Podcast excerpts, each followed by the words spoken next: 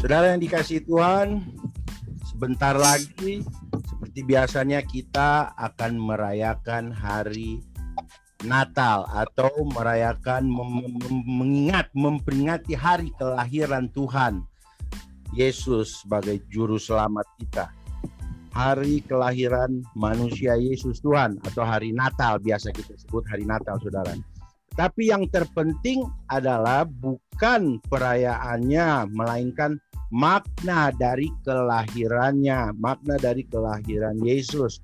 Dan sebagai orang percaya, kita harus memahami benar makna atas kelahirannya. Kelahiran juru selamat yang akan menyelamatkan setiap orang yang percaya, setiap orang yang percaya kepadanya. Itulah makna yang harus kita pahami bahwa kasih karunia Allah harus aktif di dalam kehidupan setiap orang percaya. Haleluya. Amin. Haleluya. Haleluya. Pujian yang yang kita nyanyikan tadi mengingatkan saya akan kasih Allah, saudara. Menceritakan kebesaran kasihnya kepada kita. Allah begitu mengasihi kita, umat. Yohanes 3 ayat 16. Karena begitu besar kasih Allah akan dunia ini sehingga ia telah mengaruniakan anaknya yang tunggal supaya setiap orang yang percaya kepadanya tidak binasa, melainkan beroleh hidup yang kekal. Semua manusia sudah berdosa dan telah hilang kemuliaan Allah. Roma 3 ayat 23 sampai 24. Karena semua orang telah berbuat dosa dan telah kehilangan kemuliaan Allah dan oleh kasih karunia telah dibenarkan dengan cuma-cuma karena penebusan dalam Kristus Yesus. Allah lah yang telah mengerjakan dan merencanakan suatu perubahan atas tujuan akhir hidup manusia, atas tujuan akhir hidup kita orang percaya dengan memberikan pengharapan yang pasti, pengharapan yang pasti akan keselamatan. Haleluya, pengharapan yang pasti akan keselamatan bagi mereka yang percaya sehingga tidak binasa melainkan beroleh hidup yang kekal. Amin, saudara. Amin. Amin. Firman Tuhan yang akan kita pelajari bersama hari ini, saya berikan topik perubahan bukanlah perubahan sampai terjadi perubahan. Sekali lagi saudara, perubahan bukanlah perubahan sampai terjadi suatu perubahan. Mari, saya mau mengajak saudara yang hadir bersama dalam Zoom meeting ini atau siapa pun yang mendengarkan saat ini untuk kita bersama mau merenungkan firman Tuhan di dalam 1 Timotius 1 ayat 15 sampai ayat 16. 1 Timotius 1 ayat 15 sampai 16. Saya akan bacakan dan kita perhatikan bersama teman Tuhan. Dalam hal ucapan syukur atas kasih karunia Allah. Ayat 15. Perkataan ini benar dan patut diterima sepenuhnya. Kristus Yesus datang ke dunia untuk menyelamatkan orang berdosa. Dan di antara mereka, akulah yang paling berdosa. Tetapi justru karena itu aku dikasihani agar dalam diriku ini agar dalam diriku ini sebagai orang yang paling berdosa Yesus Kristus menunjukkan kesabarannya. Dengan demikian, aku menjadi contoh bagi mereka yang kemudian percaya kepadanya dan mendapat hidup yang kekal. Amin. Saudara, Oh my God, Pastor. To- tolong yang di- ada- di unmute dulu. Maaf, maaf. Tolong yang lain di unmute karena Jadi panggil mama. oh ya, Mic, mic, maaf mic. saudara, saya harus mute, di mute, eh, ya mute ini yang belum di mute saudara ya, atau mungkin bisa ditolong di mute dari sana juga bisa saudara.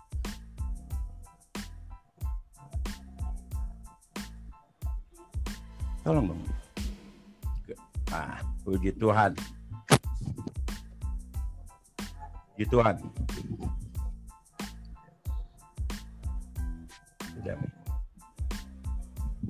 Tapi yang.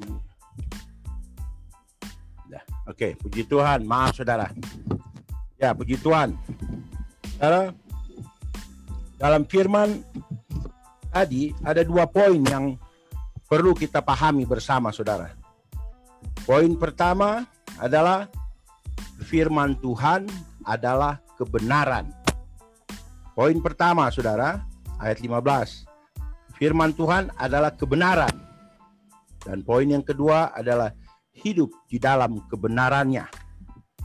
Baik, poin pertama bahwa firman Tuhan adalah kebenaran. Kita harus percaya bahwa segala yang tertulis, yang pertama kita harus percaya bahwa segala yang tertulis di dalam Alkitab dari kitab Kejadian sampai kitab Wahyu yang hanya terdiri dari 66 kitab yang tidak boleh ditambahkan atau dikurangi adalah firman Tuhan yang hidup dan berkuasa yaitu nafas Allah sendiri atau bahasa aslinya theopneustos. Firman Allah adalah nafas Allah sendiri. Oleh sebab itu firman Allah hidup. Dalam firman Tuhan ini saudara, dalam firman Tuhan ini Rasul Paulus menyaksikan hidupnya yang dibeli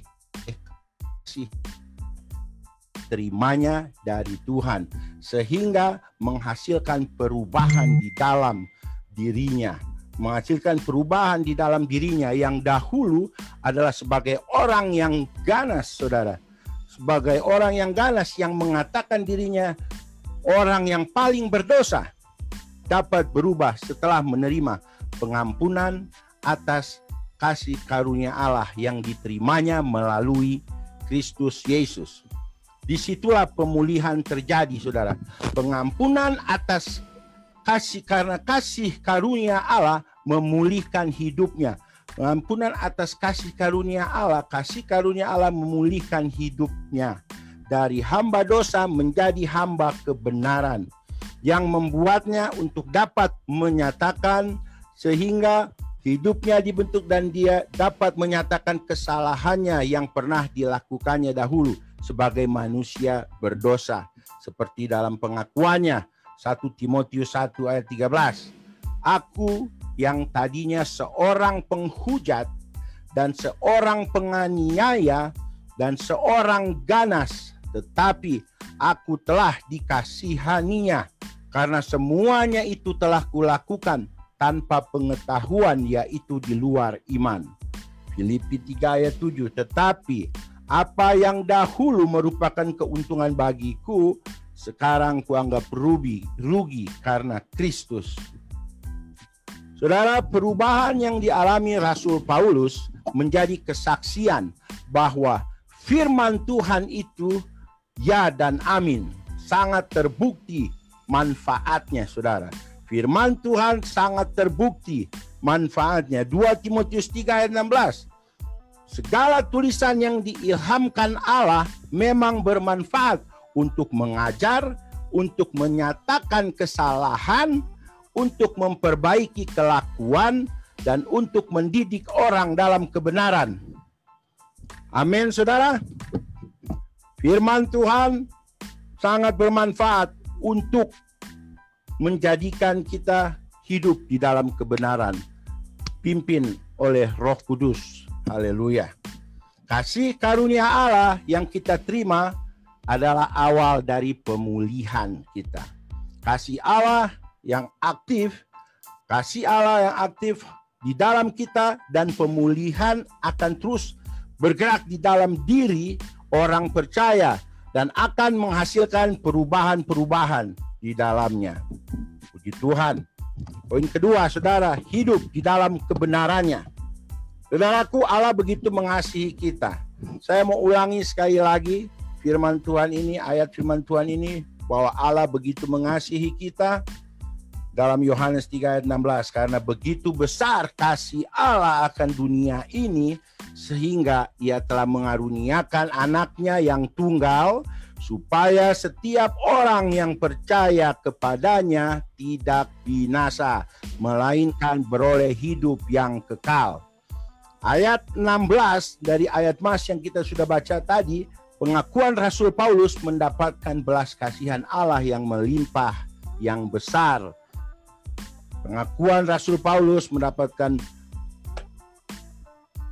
kasihan Allah yang melimpah, yang besar, saudara.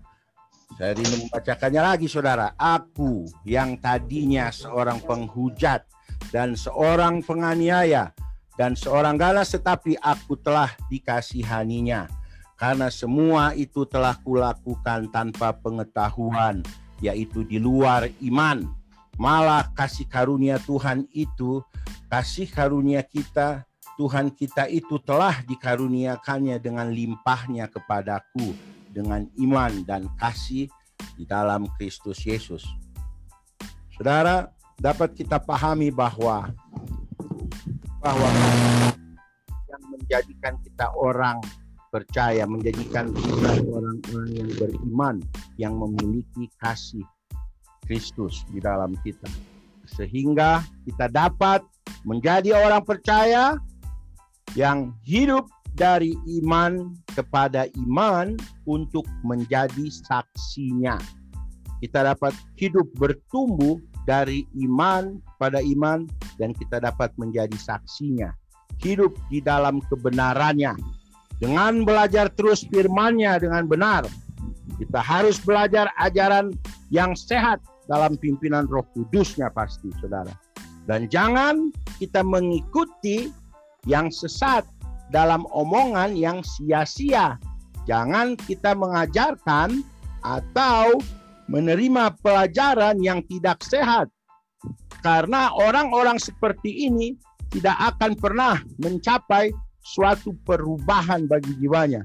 Mereka tidak akan pernah sampai kepada suatu perubahan bagi jiwanya, saudara. 1 Timotius 1 ayat 6. Tapi ada orang yang tidak sampai pada tujuan itu dan yang sesat dalam omongan yang sia-sia. Dalam omongan yang sia-sia.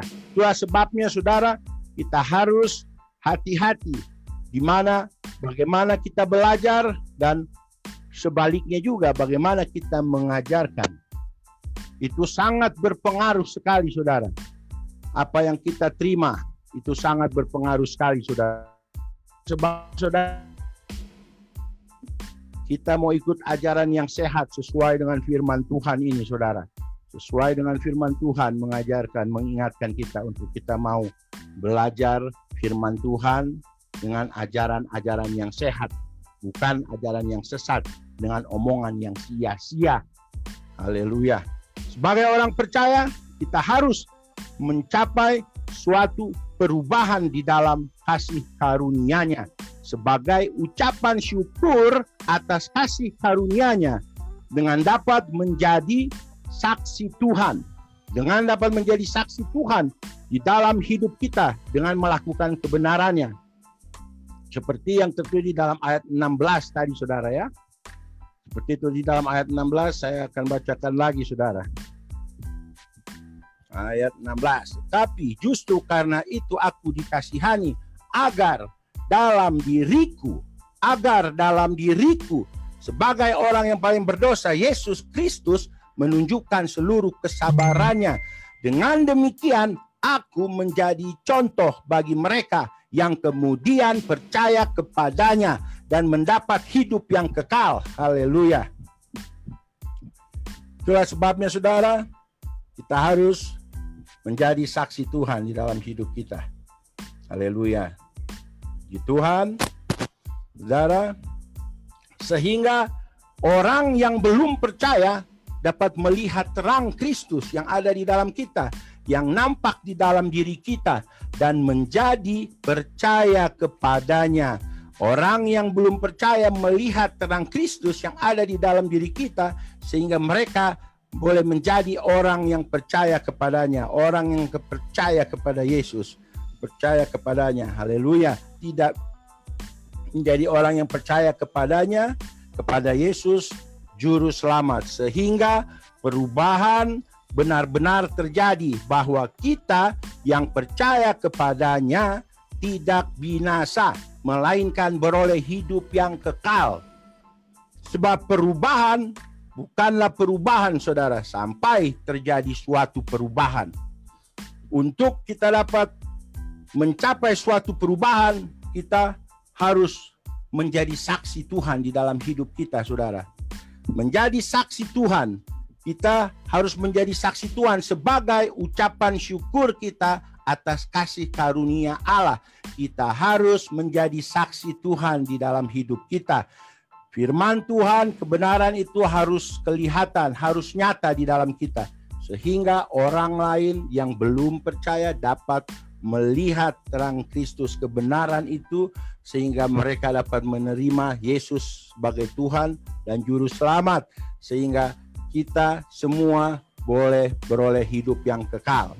Puji Tuhan, kita sudah mendengarkan firman Tuhan, saudara dan firman Tuhanlah yang akan membawa kita kepada suatu perubahan. Saudara, firman Tuhan saya tidak panjangkan saudara. Firman Tuhan saya tidak panjangkan saudara. Kita sudah mendengarkan firman Tuhan dan firman Tuhanlah yang akan membawa kita kepada suatu perubahan. Amin. Amin. Maranatha. Tuhan Yesus segera datang. Tuhan Yesus akan datang. Tuhan Yesus pasti datang. Tuhan memberkati. Haleluya.